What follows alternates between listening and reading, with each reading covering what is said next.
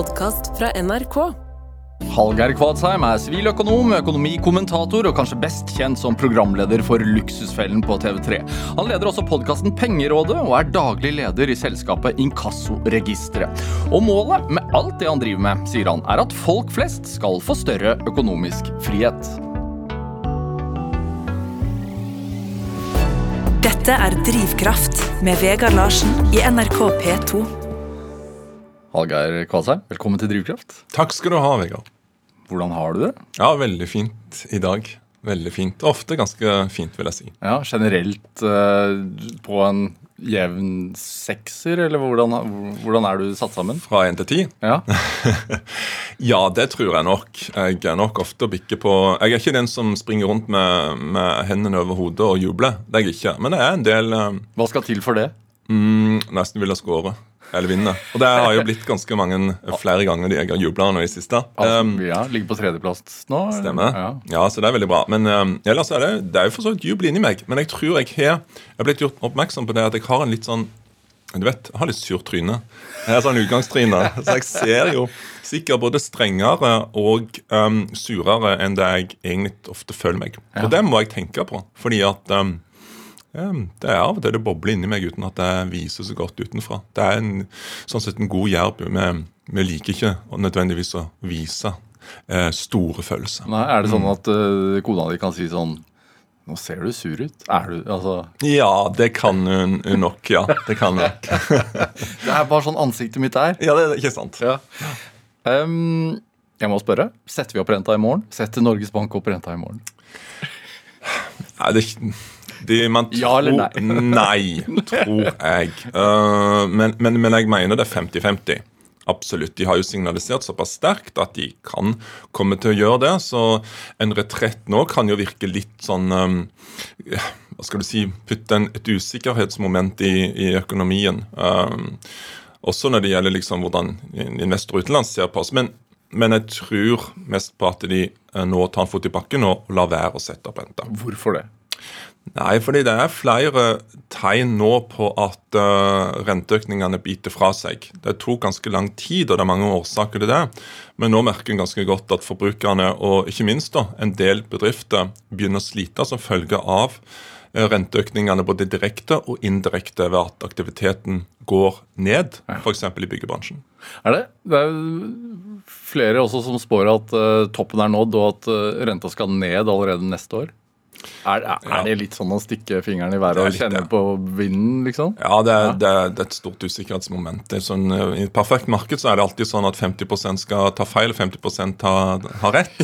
ja. Egentlig så, så man antar at uh, veldig mange tar feil på akkurat det. Hvis du ser spådommene litt bak i tid, da, så har man uh, Det gjelder ikke bare spå eh, kvinner og spåmenn eh, i banker, men også Finansdepartement, SSB, Norges Bank sjøl tar jo eh, ganske ofte feil. Og det var heller ingen som forutså denne her voldsomme inflasjonsveksten og renteøkningen som vi har sett eh, de siste to årene, f.eks. Nei. Vanskelig å forutse en pandemi og en krig og Det er det, og kanskje vanskelig å forutse ettervirkningene av det, ikke minst flaskehalser i produksjonen osv.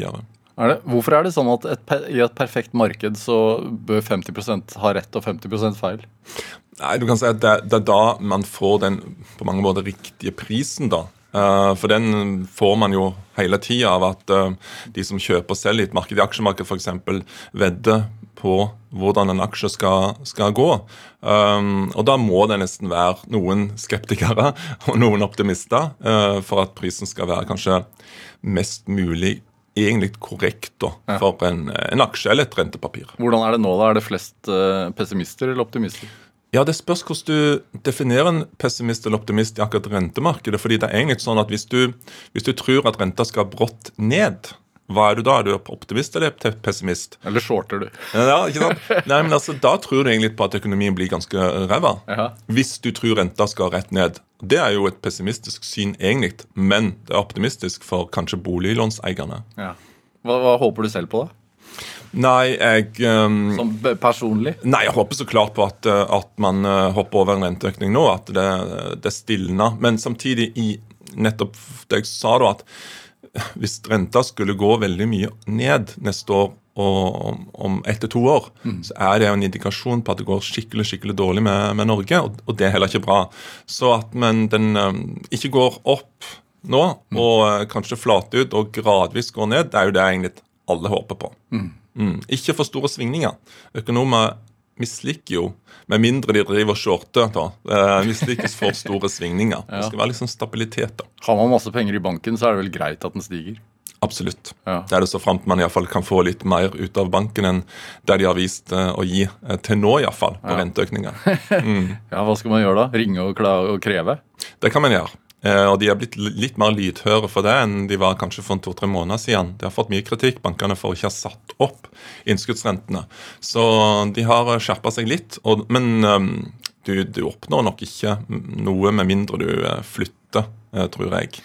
Hvordan stå, stå, er, altså, Du har jo holdt på med privatøkonomi i, i mange år. Ja. Hvor mange år? Oi. Um, begynte jo faktisk i Dine penger rett etter jeg var ferdig på, på NHH. Ja. Så det begynner jo å bli en uh, hva er det, nesten 25 år? Eller 25 år, ja. Ja. Er det Har vi fremdeles en sånn tanke Føler du at at vi glemmer litt at banken eh, faktisk er til for å tjene penger til aksjonærene sine? Ja, ja, er det korte svaret? ja det er det. Ja. Eh, vi, det henger fortsatt igjen. Ja. Det er ikke like ille som det var når jeg begynte i Dine penger. Da var det nesten en slags Eller iallfall litt tidligere i Dine pengers historie så var det nesten sånn at folk og kunder da ringte inn til oss og sa at det må slutte å kritisere bankene fordi de vil bare oss vel.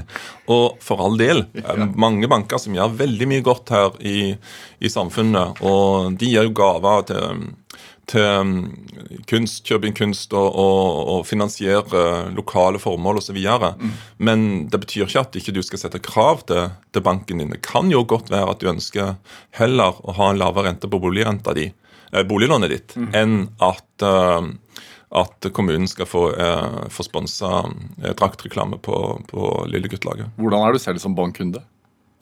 Du, jeg, eh, eh, jeg har jo Um, eller Vi har jo da lånet i en bank, vi har liksom dagligbanken i en annen, Ja. og, og sparekontoen i en tredje. Og det kan man gjøre. Jeg tror det er det som er noe av det verste ved å flytte, tror mange. At du må liksom du må flytte alt over til den nye banken. Det trenger du ikke nødvendigvis. Det er mange uh, boliglånsbanker som tillater du at du ikke flytter f.eks. lønnskontoen. For det er det som er limet i mange bankkunders eh, liv. da. Ja, men jeg tenker Hvis du er eh, kunderådgiver i en eller annen bank, og så ringer det, og så det er Hallgeir Kvalsheim som Ja. ringer her. Jeg skal gjerne ha litt lavere rente. Ja, ikke sant? Nå skal Nei, du høre hvorfor. Ja, jeg kan eh, fint gjøre det, men, men nå har for så vidt banken eh, Vi er i en sånn foreningsavtale, da, medlemsavtale, som gjør at den, den renta automatisk settes uh, veldig veldig bra. Og det, det er jo også klar anbefaling til de fleste. Hvis de har en mulighet til å ta en fagforeningsavtale, så er du litt mer sikker på at renta di også til enhver tid settes gunstig, og ikke at du hele tida må drive og purre på banken. Men hvorfor er det en fordel å ha eh, pengene sine eller lånene sine og sånn fordelt på flere banker? Nei, det er rett og slett fordi at eh, det er få banker som er best på alt. Det er det. Eh, de som er best på boliglån, er kanskje ikke de som er best på sparekonto. Eller det er definitivt sant at de som er best på sparekonto En del av de bankene har ikke engang boliglån i sortimentet sitt, for det er nisjebanker. Så de er ikke best på alt, de fleste banker. Shoppe bank litt sånn som man shopper eh, tilbud på varer? Ja, og forsikringer. Eh, selv om forsikringer er litt sånn at der kan du faktisk få ganske gode totalkunderabatter. Der, eh, det er ikke så lett i banker. Hva, hva bør folk tenke på nå rett før jula? Altså rett før årsskiftet? Ja, det blir en lang januar, så klart. Um, en del får kanskje, det er litt forskjellig fra bedrift til bedrift, men kan, kan få lønninger, har kanskje fått den allerede tidlig i, tidligere i måneden enn enn det en vanligvis gjorde, Mm. eller vanligvis gjør. Eh, Noen har fått også halvt skattetrekk i november istedenfor desember, fordi at en begynner kanskje julegavekjøp allerede da. Så um, en må være på, og, og da opplever en jo at en får ganske mye penger inn på konto. Men husk at det skal rekke eh, en stund. Og det skal rekke utover en ganske lang januar også, for neste lønning kommer. Så vær litt obs på det, ikke bruk opp alt. Selv om jeg skjønner jo at eh, for mange, når, når en lever såpass stramt som en gjør nå, så, så kommer jo dette halve skattetrekket som uh, Er det ganske gull å ha det, fordi at um, det er tross alt en dyrere måned desember enn en de andre månedene. Mm. Bør vi, for norsk økonomis skyld, gå bananas i jula? Nei. Absolutt ikke. Nei, Nei fri og bevare meg, Vegard. Det må du ikke gjøre. Nei, fordi da, da vil uh, Norges Bank rynke på nesen igjen og så si at oi sann, ja. ja. vel, dere prøver dere på den, ja. Dere går bananas. Da må vi sette opp renta enda litt mer i januar-februar. Ja. Så, så, nettopp nå er det viktig, også fordi at det er klart um, Det hender jo det i perioder hvor man kanskje kan tenke at man skulle gjøre det. Når uh, bedriftene ligger litt nede, handelen ligger litt nede. Vi er ikke helt der uh, nå. Vi er ikke det. Um, arbeidsmarkedet er fortsatt veldig stramt. Forbruket, ja, det er tatt seg et hvileskjær. Men uh, det er fortsatt ikke slik at uh, det er så mange handelsbedrifter eller andre som, som er nødt til å si opp folk, eller som, som har store røde tall på bunnlinja, ja. med noen unntak. Altså sportskjedene, elektronikkjedene osv. De merker det godt, altså. Men men en skal være litt forsiktig med å ta, ta fram det, det store kredittkortet akkurat eh, den julen. Ja, Så gi heller litt kjipere gaver, og så kan du feste en lapp. Jeg gjør det for renta. ja. Jeg gjør det for alle. Jeg gjør det for renta. Ja. Dette er Drivkraft med Vegard Larsen i NRK P2. Og i dag er eh, siviløkonom og TV-personlighet eh, Hallgeir Kvalsheim her hos meg i Drivkraft på NRK P2. Vi må snakke litt om forbruksgjeld. Mm Jeg beklager, men vi må det. Er du lei forbruksgjeld? Nei, det, det temaet er jo et, er for så vidt fascinerende. Jeg jobber jo uh, litt med det, iallfall. Nå, nå gjør jeg ikke så mange episoder lenger i Luksusfelle, men, men, det kommer jo veldig nært opp til det. da. Ja, Jeg leste sånn at vi er, har 160 milliarder kroner i forbruksgjeld i, i landet. Mm, uh, 3,2 millioner er registrert som at de har forbruksgjeld. Så cirka, ja. sånn 50 000 på hver, da. Mm. I snitt. Ja. Er det ikke det? Det kan godt være. Så, så, du regna mm. nå? Ja, eh, det kan, det kan godt være. Nå, nå, er det sånn at jeg tror veldig altså, En del av forbruksgjelda er jo eh, type gjeld som eh, altså Du har sikkert kredittkort, jeg har kredittkort, jeg har flere. Så man bruker jo gjerne det, og så betaler man kanskje ned ved forfall neste måned. Mm. Da løper det ikke noe rente, men det kan være at du blir med i den statistikken. Så, um, så de fleste har jo et kredittkort, uh, og det kan være fornuftig. For det er mange fordeler med kredittkort også. Så, og da inngår den kanskje også i statistikken. da. Mm. Men det er den, den såkalte rentebærende forbruksgjelder som, som, kan være problematisk for enkelte. Men Er det farlig med litt, for, litt forbruksgjeld? Nei, ikke lite grann. Uh, problemet er at det er en del som har lasta for mye i båten sin av, av fryktelig dyr gjeld. da, uh, og, og, har store problemer med å betjene den. Spesielt hvis de i tillegg har et boliglån også som, uh, som, blir dyrere. Så det er en kombinasjon der som kan velte en del økonomier. Men vi snakker ikke om et, um, ikke om et veldig stort uh, antall personer i, i, i rene tall, da. Mm. Men for gjelder, så kan det være veldig veldig eh, ille for økonomien. Du har jo uh, vært programleder uh, i, i, Luksusfellen siden 2008. Ja, stemmer. Uh, det er mange år. Veldig mange år. Det er 15. Hva er verst, hva er verste eksempelet av forbruksgjeld du har sett der? Mm, det har vært mange. det verste, de som oppleves nesten som, som, som verst, vil jeg si, er jo de som har de tok, tok, opp veldig mye hjelp på veldig kort tid fordi de var spillavhengige. Mm. Uh, for da kan det gå fort så fryktelig galt så fryktelig, fryktelig fort. Dette var jo gjerne før gjeldsregisteret, så nå har du ikke den samme muligheten til å ta opp uh, kredittkortgjeld eller forbruksgjeld i mange banker samtidig. Fordi at de ser at du prøver, eller ser at du har fått gjeld i bank 1 og 2, så mm. bank 3 vil kanskje si nå kan du ikke låne mer. Men før var det ikke sånn. Før måtte oppgi sjøl hvor mye gjeld du hadde. Mm. Uh, I stor grad, iallfall den usikre gjelda seg dette. Og Da kunne du få 1-2 millioner på uh, noen få dager. Uh, du må ha jo inntekt, men um, det var den viktigste på en måte vurderingen banken tok. da, Om du hadde inntekt og om du hadde betalingsanmerkning. Da fikk du dette. Og, og de da, som da fordi de pengene gikk jo rett ut igjen. ikke sant? Så vant du litt, så tapte du det meste. Ja. Uh, og havner da i minus kanskje 1-2 millioner på noen få, få uker. Og det er det aller verste. Også fordi at da viser jo ikke i utgangspunktet bankene deg så mye nåde, Nei. fordi denne gjelder helt fersk. Du tok den opp uten å opplyse om at du allerede hadde en del gjeld fra før av. I det hele tatt. De er harde på med nevene der. Eh, nå, er jo, nå er det jo bedre. Men det er nok den, den verste.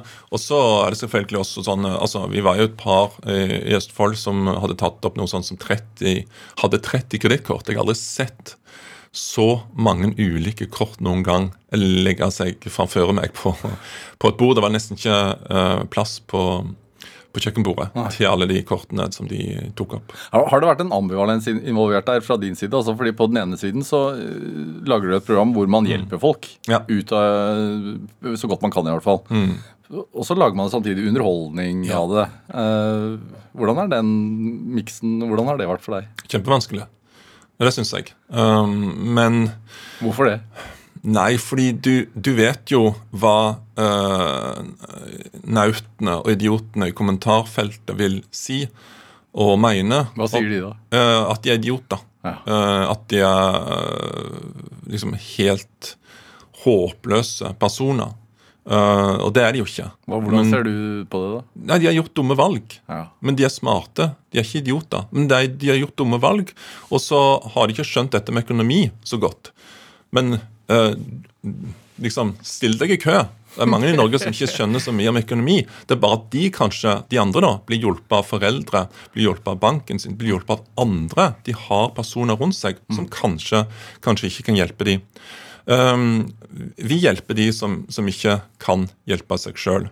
Um, og og um, de, Dette kan være ressurspersoner i bygda. Det kan være folk som er i Røde Kors, det kan være folk som er trener i fotballaget, det kan være folk som har en, til og med bedrifter. Og så klarer de ikke å skille liksom, De har stålkontroll på bedriften sin, men, men fullstendig kaos i privatøkonomien. Så dette er flinke folk, men eh, på privatøkonomien så er det er det håpløst. Og eh, for all del, vi har stortingspolitikere, vi har bedriftsledere, vi har kulturpersonligheter som har akkurat det samme problemet. Det er bare det at de har av ulike grunner klart å komme seg ut av dette. Hva kommer da? Altså, dere, har, dere er jo alltid I det programmet så er dere økonomieksperter, men dere er også med psykologer. Ja. Eh, og vi har en, en grundig uh, samtale og vurdering eh, av en psykolog i forkant da, mm. før, før deltakeren er med i vårt program. Så, og hun er strengere, sier hun, enn alle de andre programmene som hun eller firmaet hennes kaster til. Eh, fordi at det er fortsatt veldig stigmatiserende å ha dårlig økonomi. Og de kan bli eh, De kan få liksom eh, kritikk etter seg. Nå skal det sies at de fleste gruer seg fælt til å se se- seg sjøl på TV. Gruer seg, selv- gruer seg fælt til, til, til kritikken som, som kommer. Men de fleste sier at den støtten de får, og de gode tilbakemeldingene, er så mange flere og, og viktigere enn en de da får, dårlige de får. Og så er det jo bare tips å liksom ja, kanskje ikke dykke ned i kommentarfeltet som, eh, som er i artikler som kanskje eh, Når det er forhåndsstoff om eh, programmet, at de ikke akkurat går inn og ser hva folk skriver. For der er det jo Du vet. Hvorfor er, det, hvorfor er det stigmatiserende å si at man har dårlig råd? En skal liksom skjøtte seg sjøl og sitt bo. Jeg tror det henger fra nesten eh, bondesamfunnet. At du skulle passe på at du fikk nok korn eh, inn på, på høsten. Og at du var påpasselig med så på våren. Og hvis du ikke gjorde det, så var du ikke en god eh, bonde. Mm. du var ikke en god borger. Og at det henger kanskje litt igjen, uten at vi liksom reflekterer så mye over det.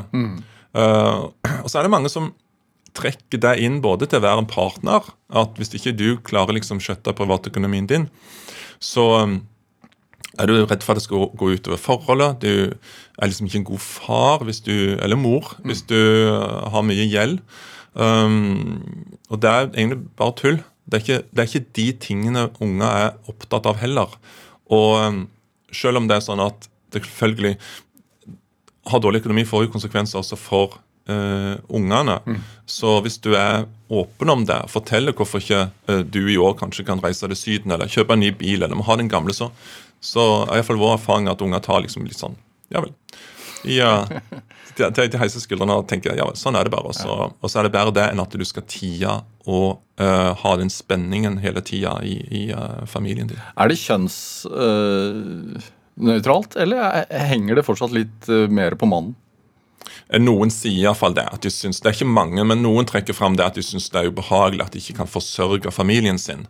Uh, det, det er noen som, som gjør, og det hører du aldri fra en, en kvinne uh, som er deltaker, at jeg syns det er kjipt å ikke kunne være den hovedforsørgeren. Men det er noen menn som, som trekker fram det. Ikke mange. Hvordan har du det selv med det? Liker du at, eh, å tenke på deg som hovedforsørger? Nei. Nei, nei, nei. nei. Der er vi også ganske sånn eh, eh, like når det gjelder økonomi også. Sånn, eh, Hvem tar regninga på restaurant? Det er, det er helt uh, hipp som opp. Ja. Altså, vi har jo felles økonomi, Ja. så, så sånn sett så er det jo ikke akkurat så veldig spandabelt av meg å ta den regningen uansett. jeg går av samme kontoen. Hvorfor Men, er det en fordel? Å nei, det er ikke nødvendigvis sånn at det er en fordel. Um, det kan være gode grunner til å ha separat økonomi.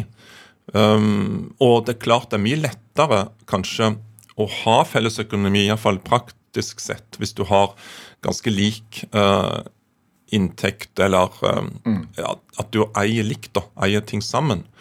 Um, så, så det skal ikke være en sånn generell leveregel. Uh, der tror jeg folk skal føle det litt fram sjøl også, og ikke tenke at det har én fasit.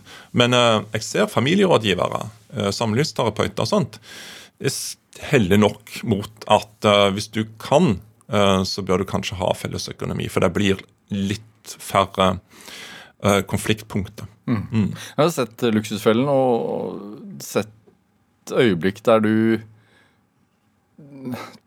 ja, Litt sånn tydelig for meg. og folk kan, altså, Det ser ut som at nå, nå kjenner eh, Kvalsheim på en følelse av irritasjon, eller Ja. nærmest liksom sinne over at folk ikke hører på. Ja, Er, Ja. er det reelt?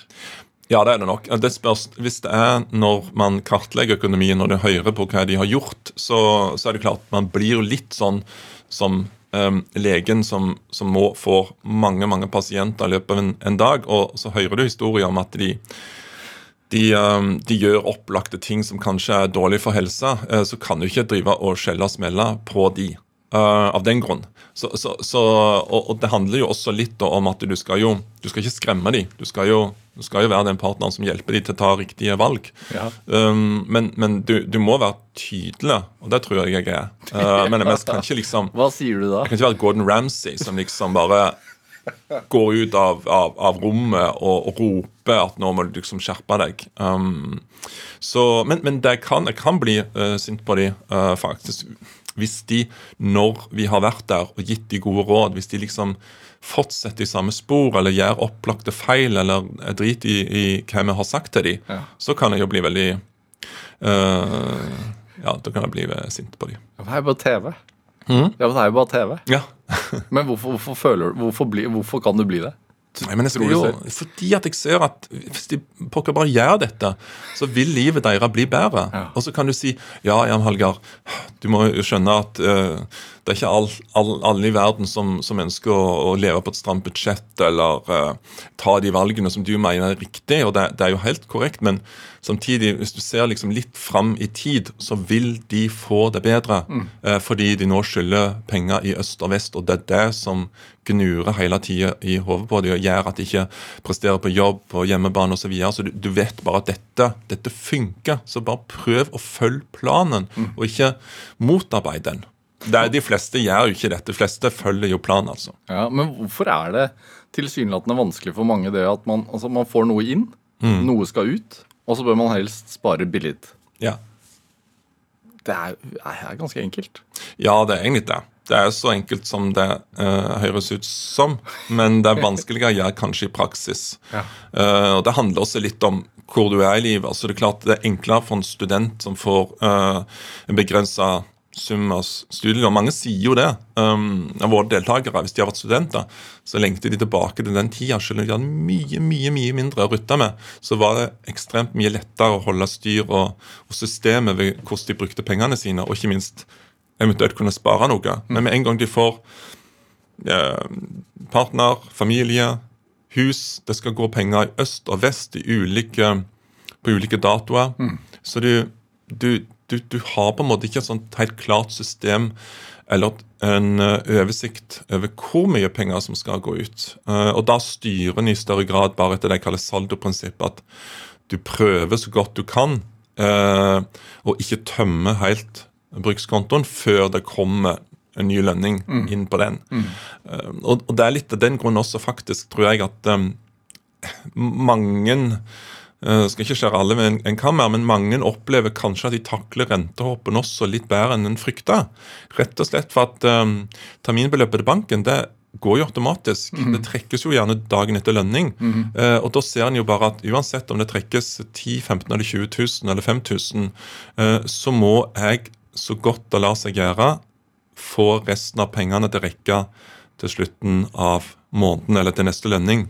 Uh, og, det klarer mange, da. Mm. Selv om de kanskje betaler uh, 15 000 til banken uh, nå, og ikke 7,5 som de gjorde i kanskje to år siden. Du har jo Uh, du har jo drevet med dette her i en årrekke. Altså 30, 25 år. Ja. Uh, hvor du gir folk gode råd i aviser, podkast, TV. Er det Og det, det er jo blitt en karrierevei for deg, selvfølgelig. Mm. Men, men er det noe mer enn det? Ja, det er det definitivt. Um, det er jo et ønske om å, å Det hørtes litt stort ut, men det er å gjøre folk friere. Uh, fordi at jeg er lei av å se at folk um, Altså, det er klart Folk i luksusfellen det er jo på mange måter de minst frie uh, av, av, veldig mange, da. Mm. Uh, fordi de, de, lever jo ekstremt Må leve da et ekstremt stramt budsjett fordi at de blir De skal tilbakebetale gjelda si. De skal tilbakebetale den de pengene som egentlig ikke er deres. Mm. Uh, men, men, generelt så er det mange som er ufrie av økonomiske grunner. Uh, en velger en jobb en egentlig ikke vil ha, fordi at en er nødt til å ha den lønna som en, en, vil ha. En velger en, kanskje en bank som en egentlig ikke vil ha, som du føler uh, krever deg for, for mye penger, fordi du ikke vet hvordan du skal flytte eller få bedre betingelser. Et forsikringsselskap andre leverandører. altså Du møter jo økonomi uh, på så mange felt i, i, livet, og jeg tror hvis du i større grad Du trenger ikke gjøre mange ting, men, men hvis du ikke har noen grep, og spesielt tidlig, så blir du kanskje et mer fritt menneske, for du kan ta, du kan ta uh, valg uh, i større grad sjøl. Du kan ta du kan si til jobben at nå, nå slutter jeg, nå klarer jeg ikke mer. jeg velger å gå noen måneder før jeg tar en ny jobb. De fleste kan jo ikke det. Sant? Så det er et privilegium, men, men det kan man kanskje oppnå hvis man uh, makter f.eks. å spare litt ekstra. Hvorfor det, men hvorfor er det viktig for deg da, å hjelpe folk til større frihet? Fordi det, det er så få andre som gjør det, rett og slett. Ja, men det er, det, det er litt um, det, det, er flere det, nå enn det kanskje var uh, før. Men um, jeg føler på mange måter det er så mange uh, Jeg skal ikke si de jobber på andre sider, men det er klart altså det, det, er en del Sånn er Jeg kommer jo fra en Jeg har studert økonomi, så jeg, jeg vet jo at uh, hvis en jobber i en bedrift, enten er bank, forsikringsselskap eller, um, eller andre uh, bedrifter, så, så, jobber en jo med å Ja, en skal ha fornøyde kunder, men en, en skal også ha en god bunnlinje. En skal passe på at bedriften er solid. Mm. og da kan det være at en nudger forbrukerne og andre til å ta valg som ikke er de beste. Mm. Så du trenger motstemmer, rett og slett. Og om det er eh, Det kan være økonomer, det kan være, det kan være motstemmer innen politikk, og det kan være motstemmer innenfor uh, forbrukerlivet, forbrukerråd osv. Så, videre. så det fins uh, eh, flere der. Men, men, akkurat på det med liksom å um, ta smarte økonomiske valg uh, og gi objektive råd, så er det egentlig ikke så mange der ute. Og det tror jeg, eh, den, den, rollen tror jeg er ekstremt viktig, da, ja. og de ikke nødvendigvis tenker så ofte på. Fordi de fleste som gir eh, økonomiske råd, de er jo betalt av en aktør, som regel. Ansatt i en eller annen bank? Ja, og det kan være veldig gode råd, ja. men, men får, du skal alltid vite hvem du får lønn av. Hallgeir Kvasheim, vi skal spille litt musikk. Ja. Uh, Veit du er veldig musikkinteressert? Stemmer. Du sa før her at Nei, du sa ikke det, da, men kun, hadde du vært noen år yngre, så kunne du kanskje vært med i Kaizers Orkestra? Ja, det eh, Jeg er veldig musikkinteressert og ekstremt lite musikalsk, så det tror jeg ikke. Nei. Du kjenner broren til eh, Ja, ja, en av bandelevene, bandmedlemmene Ja. og satt i samme kjellerstue som barn. holdt Ja, jeg på å si. stemmer. Ja. Hva skal vi høre for noe? Du har med en eh, Sugar Cubes-sang som heter Birthday. Hvorfor det?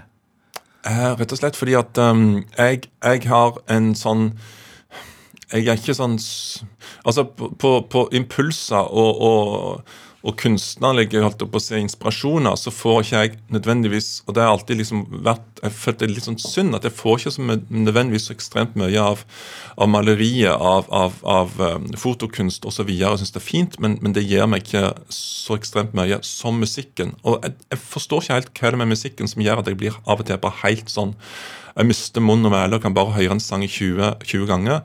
Um, for det kan jeg.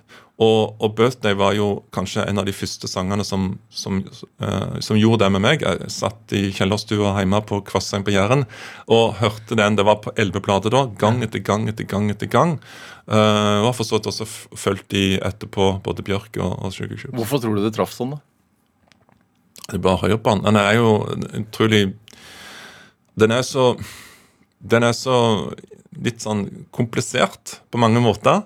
Eh, og så er det sånn med kanskje god kunst, da, at en vet ikke alltid hva som gjør at en treffes.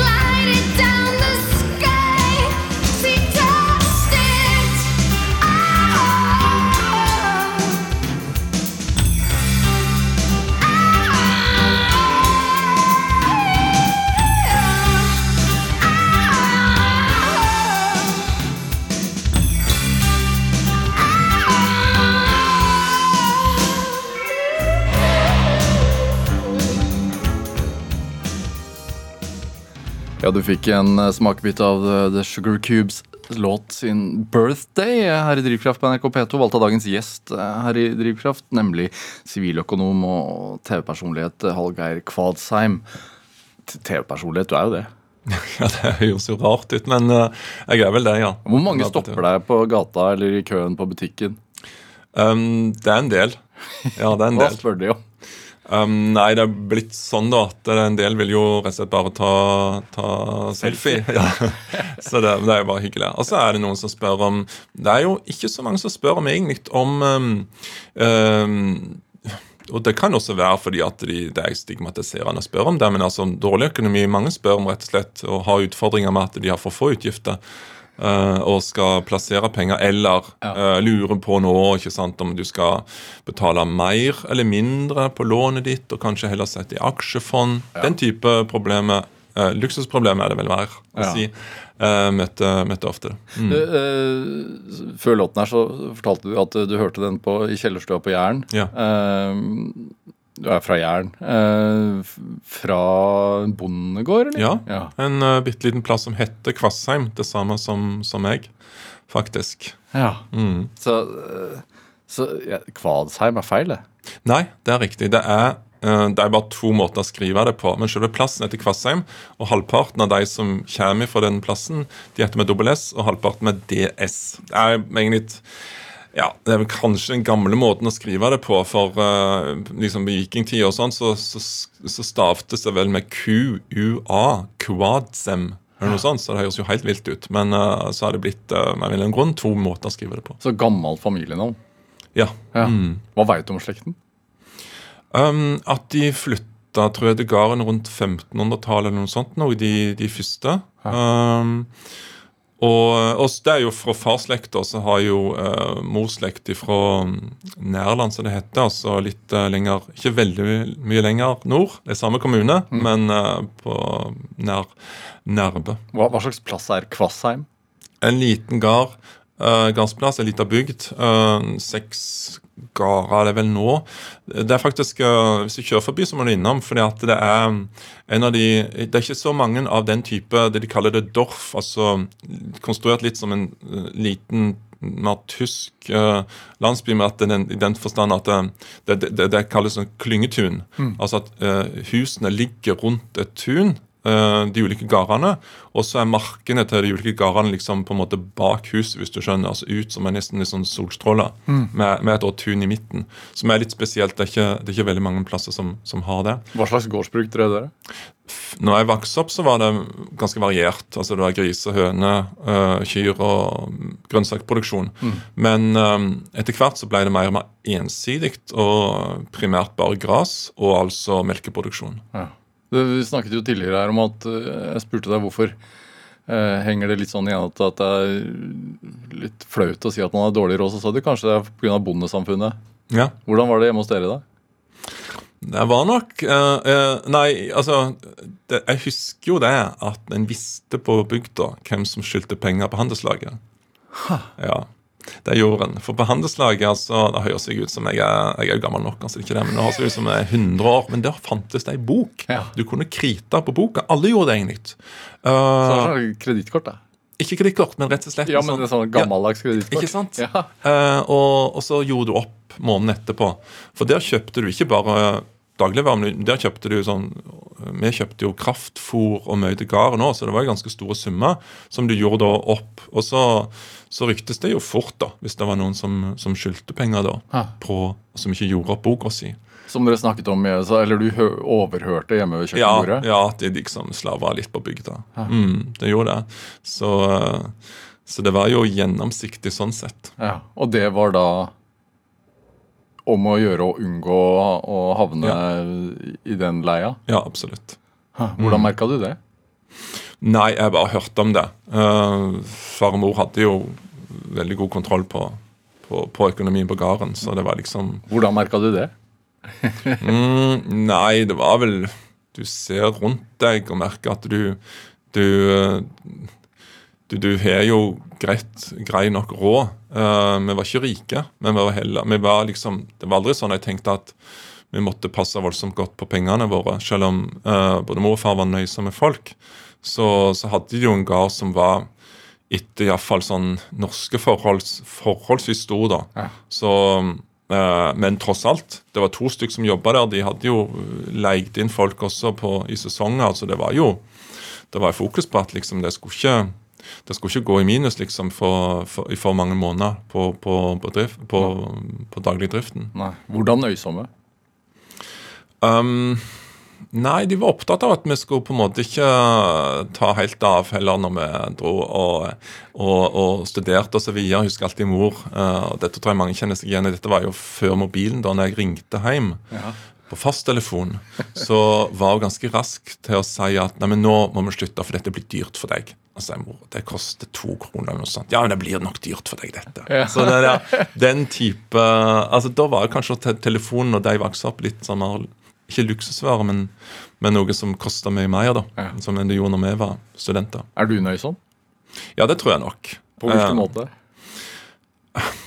Jeg ehm, Det kan være på en del små ting. Eh, det kan være sånn at jeg f.eks.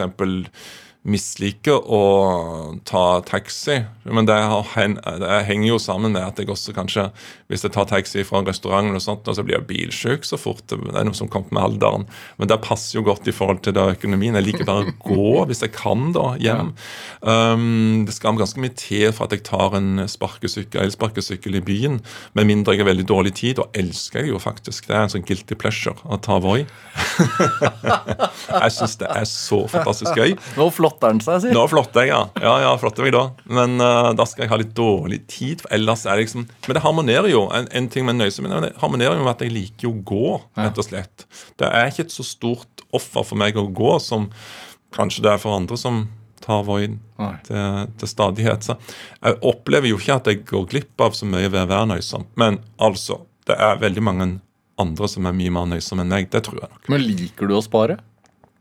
Eh, ja, jeg gjør nok det. Jeg liker å ha kontroll i hvert fall, på, på penger. Og, og se at det Og jeg liker jo å sette penger i fond og så videre, sånn at du ser at det vokser. Det gjør jeg jo. Men ikke sparing for sparingens del, egen del. Det må jo være et mål med sparingen. Uh, det, og det er viktig også, tror jeg, for å lykkes med sparing, at du har et konkret mål. Hva er ditt, da?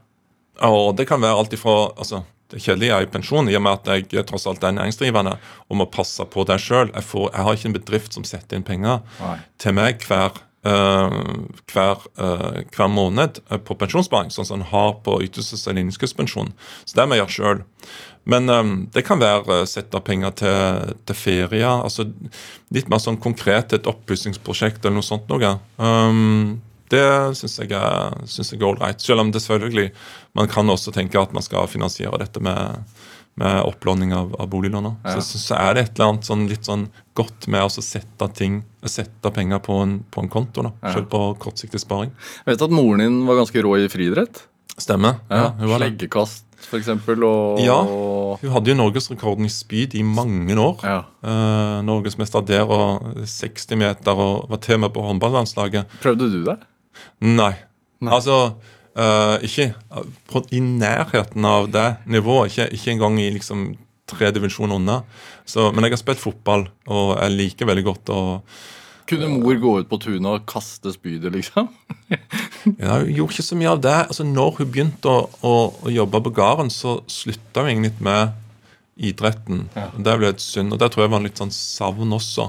Men hun lærte jo uh, Eller hun kunne kaste spyd, for så vidt, men hun, hun gjorde det veldig lite. Så det var, det var på en måte um, slutt da, når hun begynte å, å, å jobbe. Hæ. Hvem, hvem var du, da? Du er, er attpåklatt? Ja. ja. Veldig, veldig attpåklatt. Jeg er sju år yngre enn hun som er nest yngst. Um, så, og jeg har mange søsken. Eh, Vi er seks stykker i alt. Vi er ikke Uh, en sekt. Vi er ikke spesielt religiøse, selv om mor og far kommer fra det mørke Vestlandet. Må ha unger til å drive gården, vet Jeg du. må det. Så, uh, men de andre fem kommer ganske tett, og så kommer jeg sju år etterpå. Så det var jo nesten litt sånn enebarn uh, i perioder. For da, når de andre slutt, uh, flytta ut for å studere, sånt, så, så var jeg aleine med mor og far i, i en del år mens jeg gikk på gymnas osv. Uh, Ja. Hvordan var det, da? det var iallfall veldig kjekt når uh, søsknene kom tilbake Ja. på sommeren eller på juleferiene. Så jeg alltid sånn godt minne om feriene, for da var vi flere. For jeg er en sosial person. Jeg likte best når vi var mange. Eh, fint å bare være med mor og far òg, men det var mye mye finere å være med hele gjengen. Ja. Hvorfor ble det ikke gårdsdrift på deg? For det første, eh, og det tror jeg er litt viktig, mor og far pusha meg aldri til det. Det fins ganske mange foreldre, tipper jeg, som vil at ungene skal gå i den eller den retningen. Det prøver jeg ikke å gjøre sjøl, og det gjorde iallfall ikke mor og far. De var alltid eh, slik at um, Poengterte alltid for alle oss at du skulle ha en utdannelse, og så skulle du velge sjøl etterpå. Men eh, de ville kanskje helst at en av oss tok over gården. Og eh, eh, Nå var det jo en, eh, en odelsrekkefølge, og jeg kom jo eh, sist. Men det så jo ut som de andre, som da hadde valgt utdanning og hadde valgt andre yrker, ikke kom til å, eller ikke ønska å ta, ta overta gården. Så det så ut som det var til meg den skulle komme. Eh, Jeg var forberedt på det. Men uh, etter hvert når jeg flytta til Bergen og, og, og begynte å studere altså, Det var en stund jeg tenkte jeg kunne flytte tilbake og jobbe både da som økonom og bonde. Ja, fordi selv om de har sagt sånn du må velge selv, så føler man jo litt på det. Ja, en gjør det. Og det er jo en, en arv, ikke sant? Altså Det er et sted det er et sted som, uh, som hører navnet mitt til. Uh, så det at f.eks. den skulle gå ut av slekta, som en jo risikerte, det ville være veldig vondt. Men uh, jeg tror mor og far merka det godt på meg, at uh, jeg så det på som mer ei bør enn en et gode etter hvert, og skulle overta gården. Og så var jo eldstesøstera mi også ble interessert i å overta den. Eh, så det endte jo med, heldigvis, da, at hun gjorde det. Og um, så, så med andre ord, den gikk ikke ut av, av, av slekta. Og, ehm, og det skjedde samtidig, nesten samtidig med at jeg, eh, jeg var vel sånn 1-22 år da jeg sa at eh, jeg tror ikke det blir bonde av meg likevel. Hadde du da bestemt deg for å bli økonom? Eh, ja, ja eh, men det var da lenge at jeg tenkte kan jeg kombinere de to tingene? Kan jeg både eh, kanskje jobbe i en bedrift og samtidig drive gården? Det er mange som gjør det. Mm. Iallfall nå. Kanskje ikke så vanlig for noen år siden. Husk at mor og far de drev jo gården sammen. Um, nå er jo dette en gard som egentlig driver som såkalt samdrift. At det er to gårder som har slått seg sammen, og det er egentlig en som driver den. Um, så, så det er mye mindre behov for uh, for uh, ja, personer, kan du si, enn det var før. Nå er det jo robotisert i stor grad på gården, og kyrne har det egentlig mye bedre også, faktisk, når de kan gå fritt ut og inn. Og, så, um, så det gjorde jo at um, så, Men det, tanken var kanskje der at jeg kunne kombinere de to tingene. Men så, så var det jo det også, vet du, med at uh, dette er en flott plass, men det er jo og jeg vil ikke si det, det er ikke isolert, for det er tre mil sør for Bryne og seks mil sør for Stavanger. Det er ganske nært. Det er 40 minutter eh, Sola flyplass. sant? Men, eh, så, men sant, når du, hvis du kommer fra Oslo, så høres jo dette forferdelig ut. altså Hjelpe seg på bondelandet. Men, eh, men det var nok litt opplevelsen også, hvis jeg skulle ha familie, det at jeg følte meg når i perioder jeg vokste opp der sjøl, at, at det var litt isolert. Eh, det var først når jeg ble fikk moped sjøl og sånt, og kunne liksom eh, fyke inn til kamerater som, som bodde eh, i, i, på nærmeste tettsted. Det var jo tre-fire kilometer til, til nærmeste tettsted. Ja. Så, så det var litt sånn sånn Vil jeg bo der, eh, eller vil jeg bo i en by? Og, og bylivet, det, det, det tiltrakk meg. Hva, hva, men hva var det med økonomi da, som tiltrakk deg?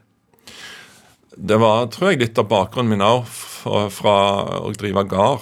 Eh, jeg var ikke gamlekaren før jeg eh, før jeg fikk ansvar for å, for å drive det. Og så rett og slett mor og far, hvis de reiste på, på ferie, så skulle jeg passe på. Eh, og det var jo 40-45 kyr som skulle inn og ut og skulle molkes morgen og kveld. og de måtte, få, de måtte ikke bli syke, de, de, måtte få fôr.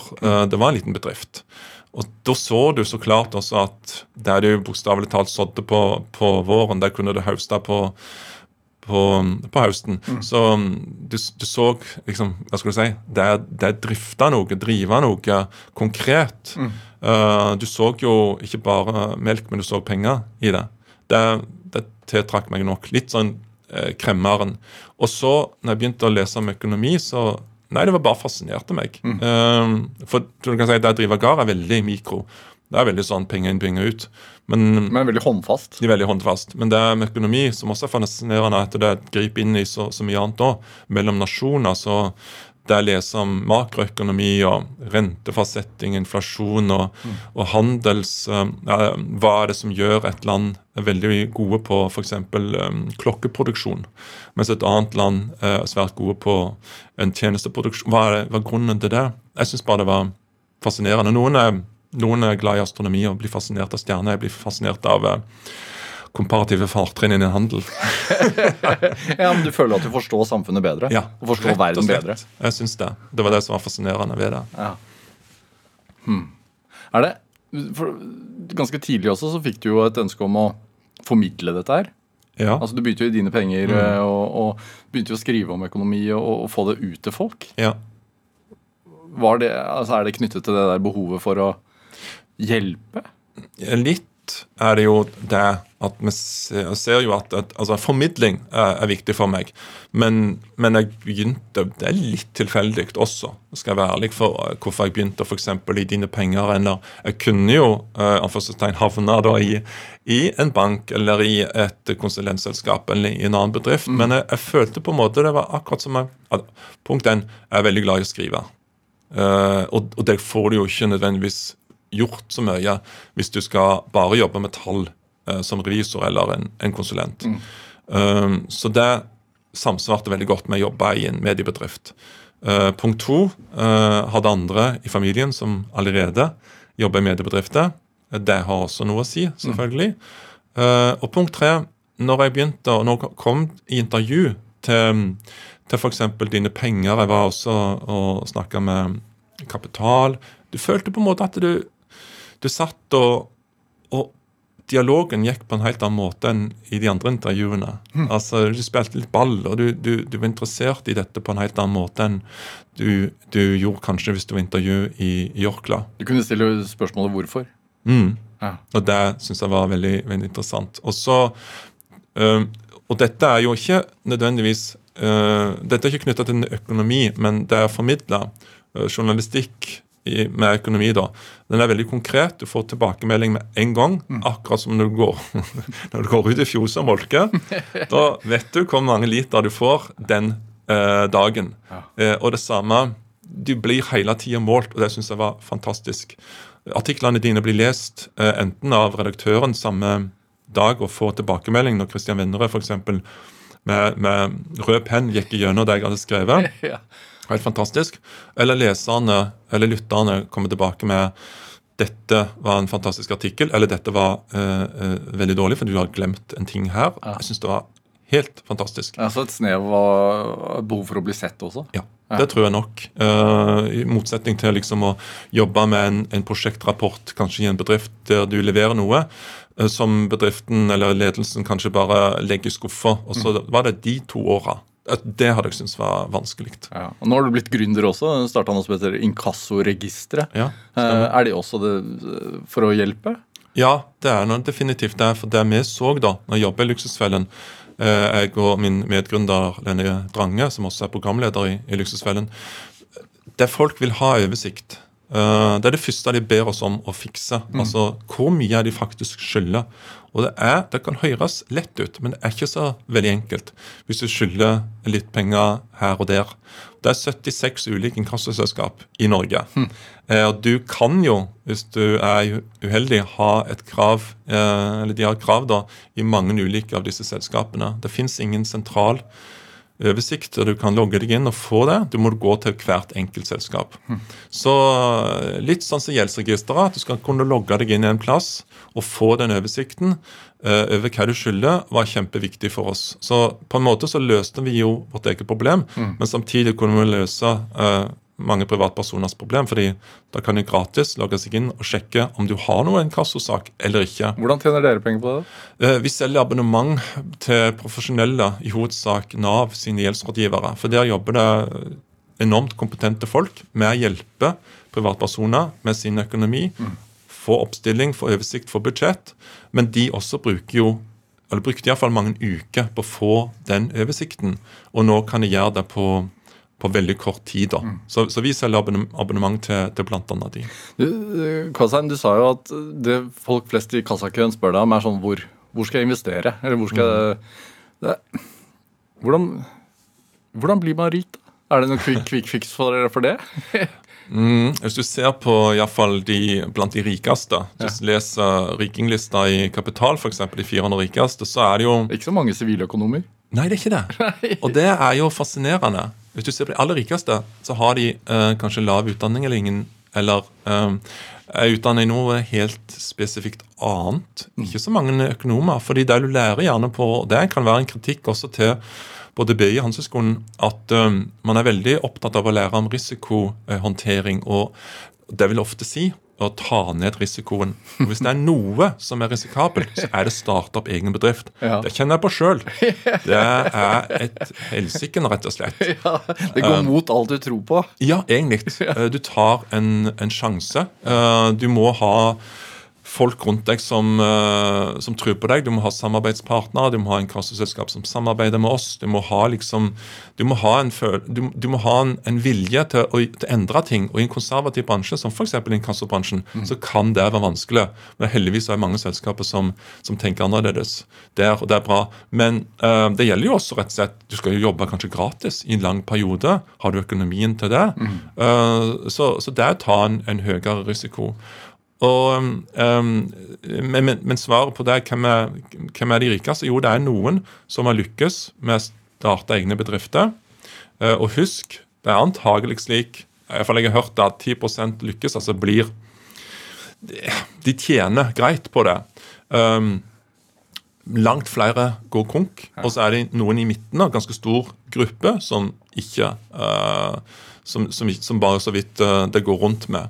Og så er det arvinger. Det er også en annen gruppe som, som, eh, som er på rikinglista. Men der, der kan du jo ikke akkurat eh, Du kan ikke Der er det forhåndsbestemt. Hallgeir Kvalsheim, hva er drivkraften din? Drivkraften er jo et sett å gjøre folk friere. Ja.